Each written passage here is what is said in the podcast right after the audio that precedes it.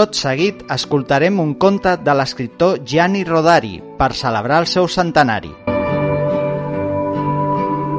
Avui la periodista Elisenda Roca ens explicarà Brit Bruf Braf del llibre Contes per telèfon. Hi havia dos nens al pati que jugaven a inventar-se una llengua especial per poder parlar-se entre ells sense que els altres hi entenguessin res. Brif braf, va dir el primer. Brof, brof, va contestar el segon, i van esclafir a riure.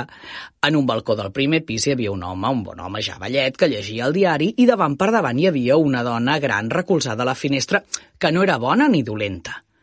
Que en són de poques soltes, aquests nens, va dir la senyora. Però el bon home no hi estava pas d'acord. A mi no m'ho semblen. No em dirà que ha entès el que han dit. Doncs sí, que ho entès tot. El primer ha dit, quin temps més maco i el segon ha contestat demà serà encara millor. La senyora va arrufar el nas, però va fer mutis, perquè els noiets tornaven a parlar en la seva llengua. Marrasquí, barrabasquí, pipirimosca, va dir el primer. Bruf, va respondre el segon. Iapa, tornem-hi tots dos a fer grans riallades.